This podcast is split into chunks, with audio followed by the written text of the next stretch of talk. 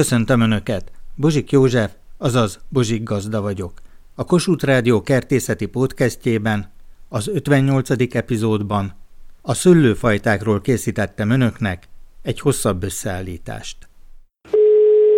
Szóba került egy szőlőfajtának a gyógyhatása. Már későn kapcsoltam be a rádiót, a szőlőfajtát nem hallottam, tehát a nevére lennék kíváncsi. Szeretném, hogyha valamelyik hajnali, tehát 5 óra 30-kor kezdődő adásban megismételné legalább a szőlőfajta nevét. Itt van ez a jó kis kertbarátkör.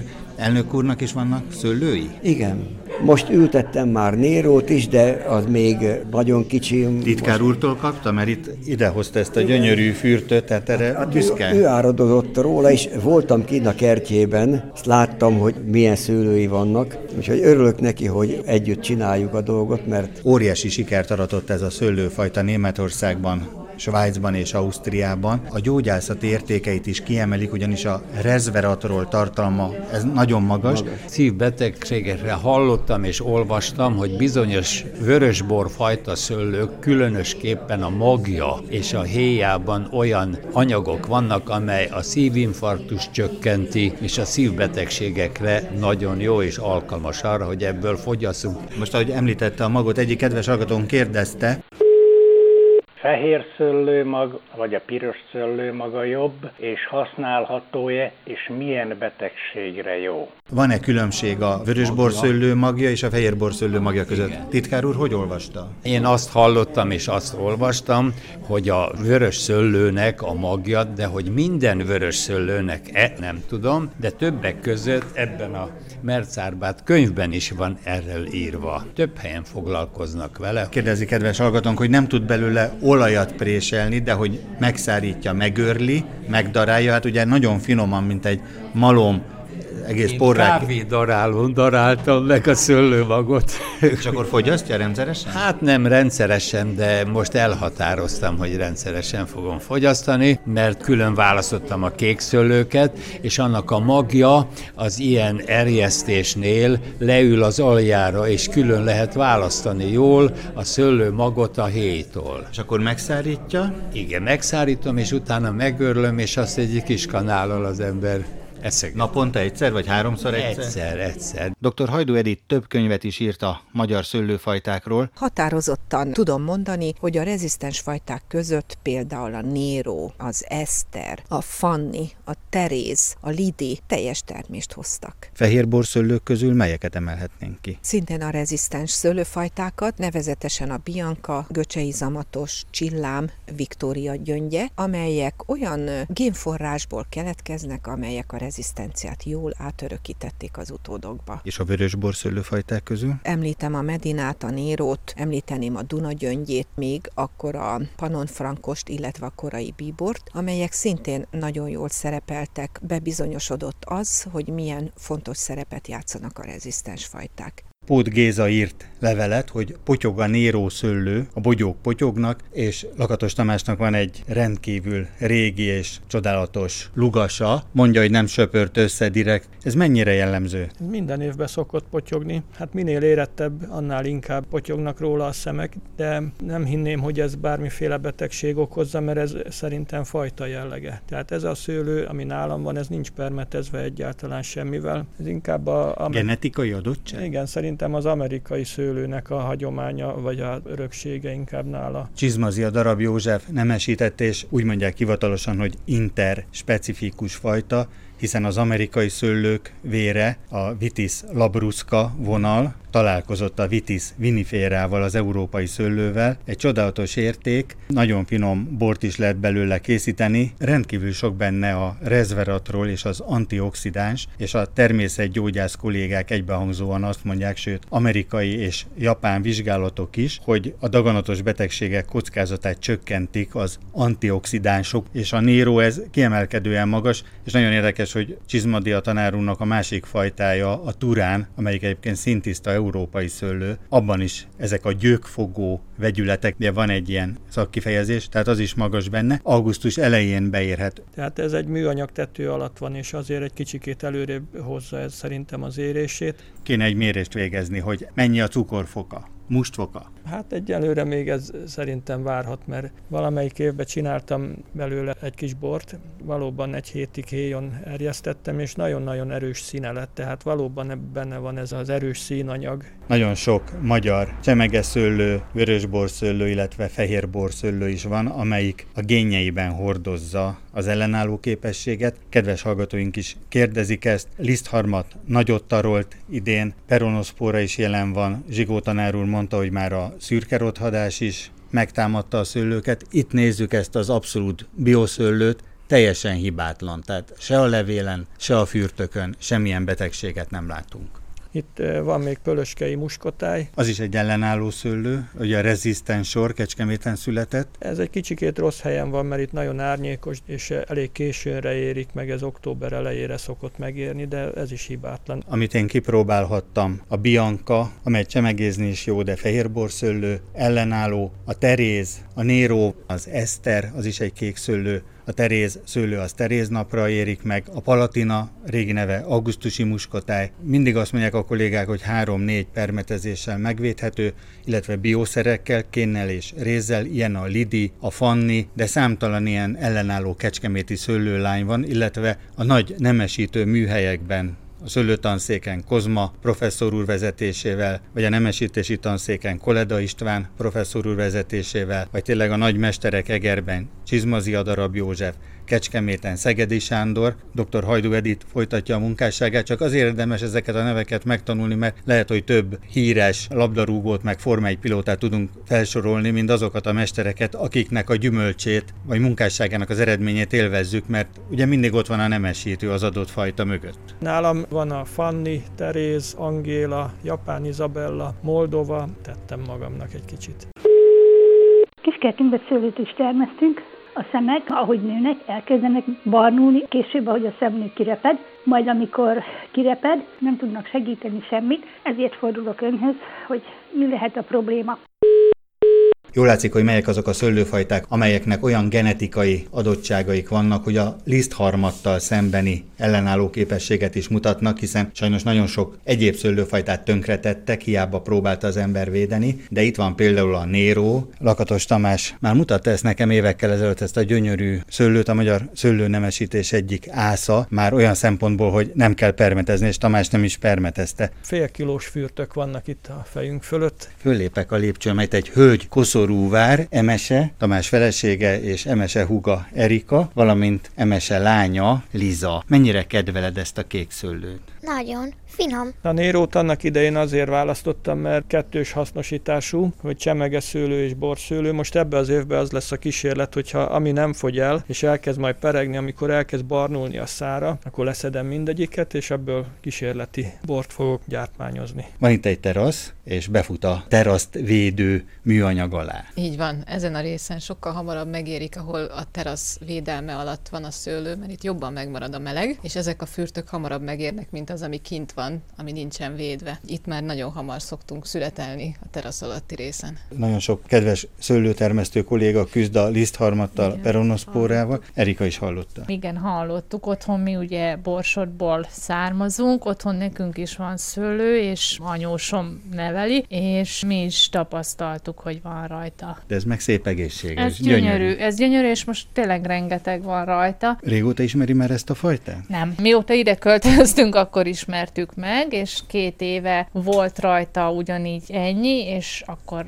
elkövettünk egy tettet, hogy szőlőlekvárt készítettünk belőle. Ugye szokták például korábban az Isabella szőlőből, Otellóból készítettek, mert az egy nagyon szagos szőlők, illatosak, és akkor a lekvárban Igen. koncentrálódik, Igen. illetve szörpöt is lehet belőle készíteni. Hát mi ezt a lekvárt kipróbáltuk, finom lett, de jó édes, igen, ugye a szőlő cukortartalma is, tettünk el magvasan is, meg mag nélkül is, elég édes, igen. Megjött a másik lány is, Lili, ez a Néró szőlő, ezt így tudtad névről? Igen, tudtam. És mit szólsz hozzá? Finom. Ámulatba ejtő tényleg, ahogy egymást érik a hatalmas nagy kék fürtök. Csemegézni sem rossz. Igen, szoktunk enni belőle. Akkor ez egy jó választás volt, hogy akkor férje jól választott, mert egyébként nagyon sokféle rezisztens magyar szőlő közül választhatott volna, mint mondjuk Palatina, Eszter, van egy ilyen kék szőlő, ami hasonlít ehhez. Palatinát augusztusi muskotájnak hívták korábban. Valóban egy jó választás volt ez a Nero szőlő, mert hamar érik, és tényleg finom, és igazából nincs gond vele, tehát nem szokta permetezni, és anélkül is gyönyörű. Tehát akkor ezt idén Tamás egyszer sem permetezték? Ezt nem. Kecsi 18 Aletta nevű szőlőfajta kapott állami elismerést.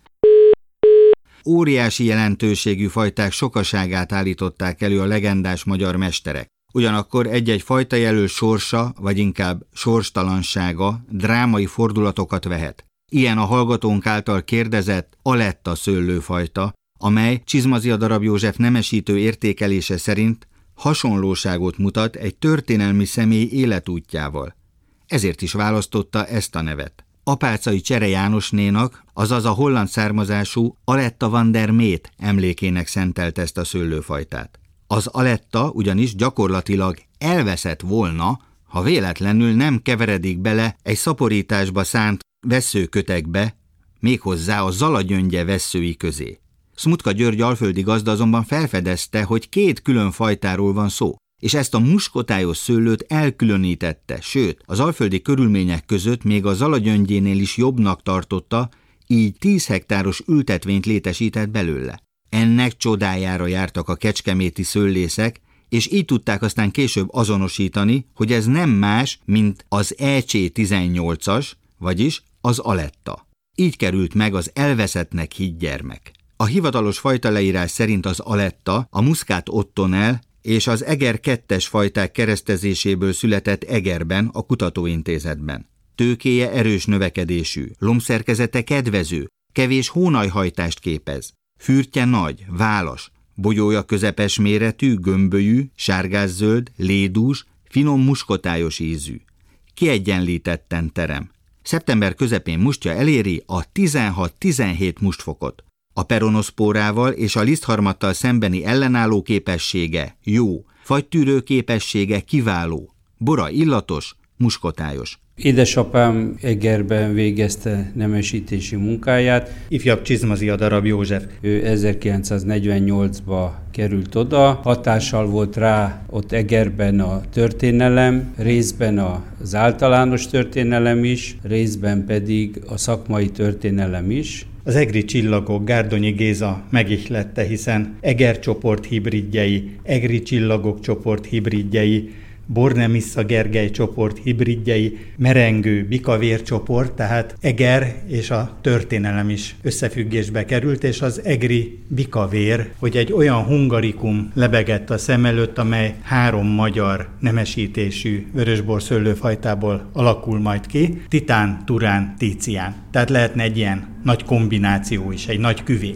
Hatalmas meglátása volt, hogy környezetkímélő technológiával termeszthető szőlőket kellene nemesíteni. Nagyon érdekes, hogy a németek mennyire felkarolták, és mint kerti szőlő ezeket a magyar értékeket forgalmazzák. Ezek nagyon erősen ott vannak a német kertekben is, nem csak a magyarokban. Németországban valóban sok helyen vannak édesapám fajtái, ahol tudni kell azt, hogy bár fölkerültek a fajta jegyzékbe, akár az EU listájára is fölkerültek, azonban Németországban ugye a hazai fajták védelmére csak csemegeszőlőként lehet ezeket a fajtákat termeszteni, tehát ott bort ezekből a fajtákból nem lehet előállítani. Milyen fajták is maradtak itt utoljára? Pál János gazda kertjében. Hát a piros azt hagytuk a végére, mert az nem érett be akkor, amikor a többieket születeltük. Több más fajta is volt, ugye a vezető fajta az alagyöngye, de hát tulajdonképpen kész tények elé állították, hiszen egy nagyon lerobbant szőlőt vett át, és tényleg kár, hogy kedves hallgatóink nem látják, de erős ötös, ahogy feljavította, nagyon szép. Kordonná nevelte, meg tudta védeni a lisztharmattól, peronoszpórától, szürkerothadástól, több hullámban szüretelt,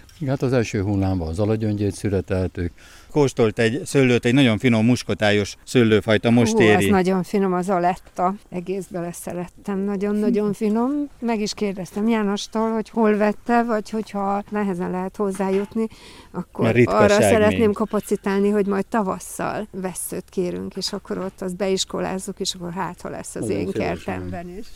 Bajközség határában a Szöllőhegyen beszélgetünk, Pál János építészmérnök valóban mérnöki precizitással felújította ezt az ültetvényt. Nagyon sok fajta van itt, és megörökölte és azonosította a fajtákat. Melyek a vezető fajták? A legtöbb az a saszla, az alagyöngye, és van néhány tőke biankánk. Ez adta termésnek az alapját, ez körülbelül 140-170 tőke volt. Ugye folyamatosan csökkent, mert már előregettek, és ami olyan volt, azt ki kellett cserélnünk, újat telepítettünk helyettek. Csizmazia darab József 1959-ben kezdte el az alagyöngye nemesítését, akkor született az alagyöngye. Tulajdonképpen ez volt a 70-es években az egyik legnagyobb áttörés a rezisztens szőlőfajták világából. Ön nagyon szereti a rezisztens fajtákat. Az alagyöngyét hol helyezi el a Nero, Bianca, Aletta és sok más fajta között, amit termeszt? Hát én a középmezőnybe helyezném el,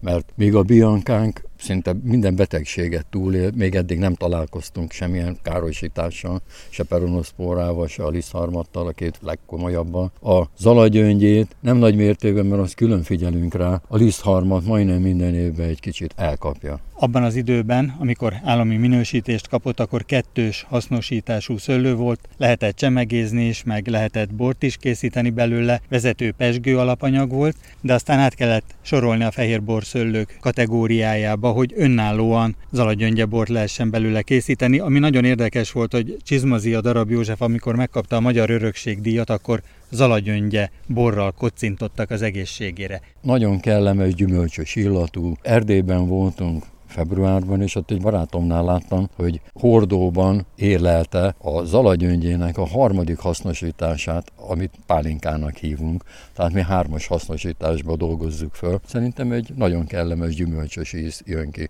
Kis illatanyag is van a pálinkánál, és még visszajön. Borpárlatot is készítettek, és most én is vettem egy hordót, ez egy barikolt hordó, és most van benne második hónapja, nagyon kellemes új ízeket vett át ettől a hordótól, teljesen új karaktert kapott. Csizmazi a darab József mondta, ugye a legendás mester sajnos már nincs közöttünk, de mondta, hogy világversenyen a Zalagyöngye jégbora kanadai termesztők által aranyérmet nyert. Tehát ahogy Pál János is említi, hogy hármas hasznosítás csemegeszőlőnek is fölhasználják, bort is készítenek belőle, és kifőzik a borpárlatot, tehát sok irányú hasznosítása lehetséges. Sajnos akkor a lisztharmat megtámadja, de végül is peronoszpórával szemben akkor ellenálló. A peronoszpórával szerintem itt nálunk teljesen ellenálló volt. Gyönyörű, hatalmas fürtök vannak. Amikor megvettük ezt a kertet, akkor a szomszédaink mondták, nem értik, hogy hogy lehet, hogy akkora hatalmas nagy fürtök teremnek rajta, nagyon bő termő. Egy tőke mellett állunk, és most is ontja a fürtöket. Igen, egyszerűen cikszalagokat tekertem a tőkéknek az aljára, és onnan, amikor megyek, a permetezésnél ez nagyon nagy segítség, még a születnél is, hogy azt látom, hogy ha egy kék színű szalag van rajta, na az az alagyöngye, akkor oda kell a lisztharmat. Elleni még itt mellette levő sorba bianka van, ezt kihagyom ilyenkor, hogy minél közelebb kerüljek, ha nem is a bioszőlőhöz, de egy ilyen értékesebb, kevés mérget tartalmazó anyaghoz. A szőlőfajták mögött ott állnak a nemesítők, és Csizmazi a darab József fajtái, az alagyöngye, a bianca, a néró, az aletta, amely itt van önnél, és Kozma professzor úr fajtái közül, ahogy mutatta a listát, például a palatina, amelynek augusztusi muskotáj volt a neve, tehát a magyar szőlőnemesítők megelőzték korukat azzal, hogy környezetbarát, ellenálló szőlőket nemesítettek, amelyek tényleg maximum két-három permetezéssel megvédhetőek. Bólint. Igen, ez tényleg így van. Van olyan év, hogy ez a két-három permetezés ez bőven elegendő, hogy ezek szinte százszázalékos minden betegségtől mentes termést hozzanak. Mert itt vannak a hagyományos fajták, hogy említette a saszla is, tehát akkor össze lehet hasonlítani, hogy melyiknek milyen az ellenálló képessége, és melyik milyen betegségre fogékony. És ugye a környezetbarát gazdálkodás, az, hogy nem érgezzük a környezetünket, amikor egy adott szőlőfajta a génjeiben hordozza az ellenálló képességet, az a legjobb. A kert vásárlása után, amikor elkezdtük a kert fölújítását, a gyümölcsfákat és a szőlőit is, akkor jellemzően a júliustól novemberi vagy október végéig való folyamatos gyümölcsre gondoltunk, illetve arra, hogy a minél több rezisztens fajtát hozzunk be. Tehát szerintem három általunk telepített szőlő kivételével olyan 21 fajta szőlőnk van, a többi mind valamilyen szinten rezisztens. Van olyan is, ami nem magyar, hanem német, a Főnix például egyáltalán nem kell permetezni, és megmarad egészségesnek. Saszla, érdekes, hogy azok viszont elég volt ez a néhány permetezés. Nem viszem túlzásba egyébként a permetezés. Tavaszi őszéle mosót azt megcsinálom. Érdekes, ezt többen is mondták, hogy a saszla az jól viselkedett Igen, viszonylag. menjünk, nézzük meg. Ahogy Koncsák Tamás mondta, nézzük itt a szőlőket. Jó kis szőlő gyűjteménye van. Hány fajta is? 24. És itt egy különleges külföldi fajta. Moldva. Ezt is a leírások majdnem abszolút rezisztensnek mondják a fajta leírások. Kicsit megfertőzte a peronoszpóra, de nem olyan vészes, tehát föl fogja tudni nevelni a termését. Idén először hoz termést. Mutatta a palatinát, az augusztusi muskotáit nagyon jól viselkedett itt önnél. Piliscséven a teréz is, az is szinte hibátlan. Szinte hibátlan teréz is, igen. És említett két különleges fajtát, ami még kevésbé terjedt el, a Flóra és a Fanni. Kecskeméti nemesítésről van szó. A fajta leírásban megemlítik, hogy bioszinten is termeszthető. Láttam Baj községben egy nagyon komoly zala gyöngye ültetvényt, amelyet mindig jól átfúj a szél, és szinte hibátlan volt, máshol pedig a liszarmat azért fel tudja ütni a fejét. Nálam ebbe a lugasban ugye vannak vegyesen idősebb tőkék, amik ugye nyilván hát légmozgást megállítják. Úgy néz ki, hogy föl fogja tudni nevelni a termését. Ez a flóra, ugye? Ez a flóra, igen. Ez a flóra középérésű, tehát szeptember végére érő csemege és borszőlő. Ezt is rezisztensnek mondja az irodalom, most tesztelem. Érdekes a szőlők világában, hogy a franciák ugye az ő saját világfajtaikat fényezik értelemszerűen, tehát mikor jött a nagy filoxéra gyökértetű támadás, akkor bejöttek azért az amerikai direkttermők, de azokat kiutasították, visszahódították az eredeti francia fajtákkal, és nagyon érdekes, hogy a németek, svájciak, osztrákok úgy tűnik, hogy sokkal nagyobb affinitást mutatnak az úgymond interspecifikus fajták iránt, tehát amelyek nem szintiszta európai vérűek, hanem akár amúri szőlő, vagy éppen amerikai szőlő vér is, idézőjelbe a vér szót, csörgedezik az edény nyalábjaikban. Ön édesanyja révén svájci származású, és ugye Svájcban a biokultúrának óriási szerepe van, és ezeket a fajtákat, például a magyar fajtákat is előszeretettel termesztik. Hát a svájci és a német internetes honlapokon, webáruházakon mindenhol bőven lehet találkozni a magyar fajtákkal. Esther, úgy írják az Esztert. Igen. Meg akkor, Tereza. Meg Perfonzala. Ugye a Zala gyöngye, Perlefonzala. Szóval mindenhol, és... Biankát nem is kell fordítani. Bian, így van, úgyhogy előszeretettel minden ilyen valamire való webáruház forgalmazza a híres, kiváló minőségű magyar nemesítési fajtákat. Néró, ugye az is Néró, német területen így terjed. Van, így van, Néró is, Eszter is, akkor Bianca, ez szinte az összeset meg lehet találni. De ez igaz még bizonyos almafajtákra is, úgyhogy nem csak a szőlő, de a szőlő egyértelműen vezet, tehát azt forgalmazzák a német nyelvterületen. Érdekes a Palatina története, mert augusztusi muskotáj volt az eredeti neve, de egy német fajta kísérletben, egy világ fajta kísérletbe állították az összes ellenálló szőlőfajtát, a nemesítők gyöngyszemeit, és a magyar fajták nagyon jól vitézkedtek. A Palatina volt az egyik kiugró, és a németek rögtön meg is vásárolták, és Palatina nevet kapta a német állami elismerés kapcsán, ugye, mert még Magyarországon nem kapott az augusztusi muskotáj állami elismerést, és aztán így változott a neve is. Itthon is már a Palatina muskotáj néven forgalmazzák. Tavaszi őszi lemosó perlemetezést megkapják, utána azon kívül különösebben nem foglalkozom velük. Érdekes egyébként például Svájcban is, hogy a bioborászatban a magyar fajták jeleskednek, tehát például Bianca biobort készítenek svájci borászok. Hát abból lehet is, mert a Bianca az is teljesen rezisztens még. Biancával az a gondom, hogy szárazabb időben akkor nagyon apró szemű. De Svájcban ott jobb ilyen hát szempontból ott, a vizelet. Van, ott van csapadék bőven, úgyhogy ott nem gond. És nagyon érdekes volt, amikor még Csizmazi a darab József mutatta, hogy a Zala gyöngye, ugye a Perlefon Igen. Zala, Igen. ugye németül, vagy Pearl of Zala angolul, hogy Kanadában kanadai borászok aranyérmet nyertek jégbor kategóriában a Zala gyöngyével. Érdekes, hogy Igen, Kanadában is igen. például a göcseizamatos Agria, Magyarországon Turán néven forgalmazzák, vagy például a Zala gyöngye ilyen sikereket ért el. Igen. Hát nem véletlen. Erre büszkék lehetünk, és azért, hogy még akkor Jóska bácsi mondta, hogy egy szőlő nemesítő sem kedves a saját hazájában, tehát nehezebben ért el sikereket, mint nyugaton. Ugye például Péter Morió díjat kapott Németországban, de aztán ugye kapott magyar állami kitüntetést is, hogy talán Magyarországon sajnos kedves hallgatóink még nem tudják ezeket a neveket, pedig több tucatnyi vörösborszőlő, fehérborszőlő és csemegeszőlő nevét érdemes lenne, hogyha megtanulnánk ellenállóság szempontjából. És ön ezt az utat járja. Hát így van. Van a borászaton nem foglalkozom étkezési szőlővel, de itt a kertemben augusztus közepétől a fagyokig mindig terem valamilyen szőlő. A magyar fajtákból válogatom ki, és a rezisztens fajtákból tényleg meg lehet találni a teljes sorozatot augusztus közepétől november elejéig, addig a fagy nem végez vele. Amikor a málna találkozik a szőlővel, kedves hallgatóink nagyon sokat panaszkodtak, hogy idén megégett mind a málna, mind a szeder, esetleg még a szőlőn is lehet napégés. Való László kertjében lehetek, aki kertészmérnök és újságíró.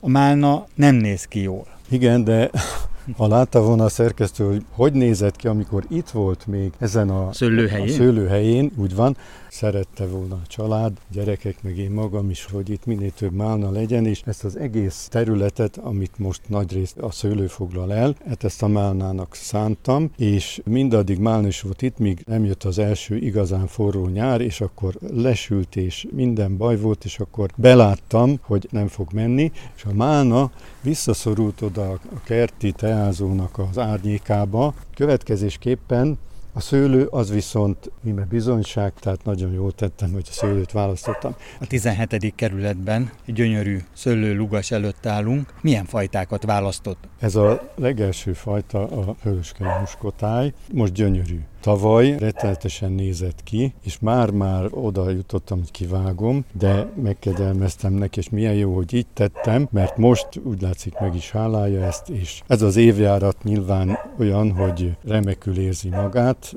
sok más növényel ellentétben, és csodálatosan terem. Ez is egyik rezisztens fajta, tehát azért elég sok mindennek jól ellenáll, de tavaly valami mégis nagyon kikezdte. Most nagyon örülök, hogy túl van azon a válságon, és nincs vele semmi baj. Egyébként itt csak rezisztens fajták, tehát többé-kevésbé ellenálló fajták vannak egy sorban, és hát különböző érési időkben is, és én nem permetezek, tehát ez a kert, amely tíz éve művelek, ez nem látott még permet szert. Na most meg is látszik. Ha megnézzük ezt a fajtát, Palatina.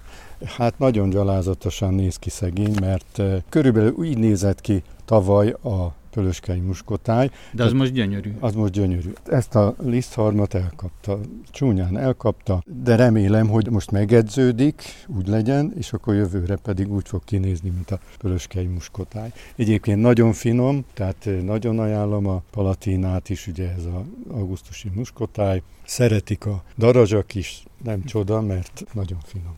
Aztán itt van ez egy eddigi, hát hogy mondjam, leginkább bevált fajta a Niro. Én ezt nagyon megkedveltem. Hát azért is, mert kettős hasznosítású, azért is lehet ajánlani, mert eh, bor is készület belőle, de hát a íze is fűszeres, a fürtjei csodálatosak, varázslatos, ahogy ez a tőke terem. És hát láthatjuk, hogy nem volt ideális az évjárat a szőlőre se, de mégis ez egész szép. Ez nagyon ellenálló fajta, tehát mind a lisztharmatra, mind a peronoszporával szemben ellenálló. Így van, igen, ezt láthatjuk is. Íme bizonyság, hogy tényleg ebben az évjáratban is ilyen jól tartja magát. Ez a szuvenír, amelyiknek a bogyó formája különleges, tehát ez megnyúlt, egy kicsit még kunkori is. Talán beleugrottam én is abba a divatba, ami a szuvenír megjelenését övezte. Hallottam jót is, rosszat is barátomtól, akinek már négy éve van talán, hogy leromlik, tehát a, a termő képességével van baj. De nagyon gusztusos, és ez egy újabb csoda, ez a teréz. Hát ez fantasztikus, ez, ez még, még jobban állja a sarat, mint a Néró. Tavaly semmit nem mutatott magából, lehet, hogy azért, hogy most aztán kivágja a rezet, de hát megnézi szerkesztő, hát ilyen csodálatos fürtök, és ezen a fürtön egyetlen egy bogyó van, ami hibásnak mondható, de a többi az csodaszép. Úgyhogy ez egy nagy reménység, örülök, hogy ezt választottam, a terészt. Ez pedig, hát most... Ez a jövő mutat, reménység. Jövő reménység, ez az Eszter. Reméljük, hogy jövőre meg már egész szép termést hoz. Nagyon érdekes a szuvenír, mert Karakai Ferenc biotermesztő is Csornán termeszti ezt a fajtát, és korábban találkozhattam vele, és hozott belőle mintát, és ő is, ugyanúgy, mint Valló László, a rezisztens, toleráns vonal felé mozdult el, ugye, mint biotermesztő. Tehát kedves hallgatóinknak ezt ajánlhatjuk, hogy a Magyar Nemzeti Fajtajegyzéken csodálatos értékek vannak, tehát Ugyan, amelyek maximum 3-4 permetezéssel megvédhetőek, akár még üzemi körülmények között is, nem csak így, hogyha valaki integrált vagy pedig biotermesztést folytat. Hozzáteszem, lehet, hogy nagy szavak, de mégis igazak, hogy világszinten első helyen jár a magyar szőlőrezisztencia, és tényleg jobbnál jobb fajták. Fehér szőlőben, kék szőlőben, valamikor a hamburgi muskotáj volt az egyetlen kék szőlőfajtánk, hát jó 40-50 évvel ezelőtt. Ma meg már tucat fajták közül választhatunk, és nagyon jók. Hát mondhatni, hogy az egyik jobb, mint a másik. Így és van. tényleg köszönhető a magyar hát nemesítőknek. Nagyon nagy oroszlán részük van ebben a magyar nemesítőknek. Kedves hallgatóink, van egy éjjel-nappal működő üzenetrögzítő, ezen várom az önök kertészeti kérdéseit, amelyek alapján készítem el az újabb összeállításokat. A telefonszám a következő 061 328 73 00. Várom önöket egy újabb epizóddal a Bozsik Gazda Podcastben.